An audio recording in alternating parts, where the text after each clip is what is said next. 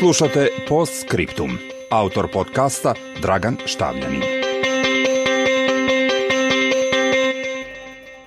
Posljednji čuvar Europe, kako sebe naziva Viktor Orban, neprikosnoveni mađarski lider, ima ambicije i da pomrsi konce mnogima na starom kontinentu, postavši ikona populista.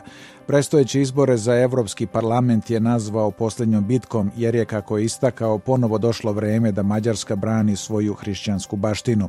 Evropska narodna partija preti izbacivanjem iz svog članstva Orbanovog Fidesa ako ne odustane od kampanje protiv zvaničnika Evropske unije. Naime, predsjednik Evropske komisije Jean-Claude Juncker i milijarder George Soros su prikazani kao promoteri masovnih migracija. Orban naziva kritičare korisnim idiotima koji služe predstavnicima levice. On je započeo karijeru kao liberal, a nastavio kao populista. Sa 35 godina Orban je 1998. postao najmlađi evropski premijer.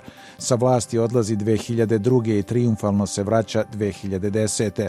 Napada liberalni sistem zalažući se za neliberalnu državu sa vrednostima rada, porodice i nacije. Poredi diktata iz Brisela sa nekadašnjim diktatima iz Moskve, ali obilato koristi evropske fondove, na primjer 4 milijarde evra 2017. godine, kao što i koketira sa Rusijom i Kinom. Potencira svoje siromašno poreklo, a njegova porodica sada prema Forbesu raspolaže sa 23 miliona evra. Igra futbal sa drugarima iz osnovne škole. Njegov omiljeni junak je osvetnik koga glumi Charles Bronson u filmu Bilo jednom na divljem zapadu, za koji kaže da je gledao bar 15 puta. Diktator, kako ga zovu, nije diktator, ali nije ni demokratski lider. Ne guši medije silom, ali ih pritiska finansijski.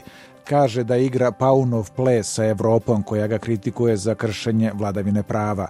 Liberalni Sorošev srednjoevropski univerzitet je morao da napusti Budimpeštu, kao što je uklonjena i bista marksističkog mislioca Đarđa Lukača, ali je ostao spomenik čelniku profašističkog režima Miklošu Hortiju. Pitanje je da li je političare poput Orbana moguće smeniti na izborima, odnosno da li su spremni da mirno odu. Mađarska, čije istorijsko iskustvo traumatično, moraće pre ili kasnije da se suoči sa godinama protraćenim na kleptokratiju uvijenu u nacionalno ruho.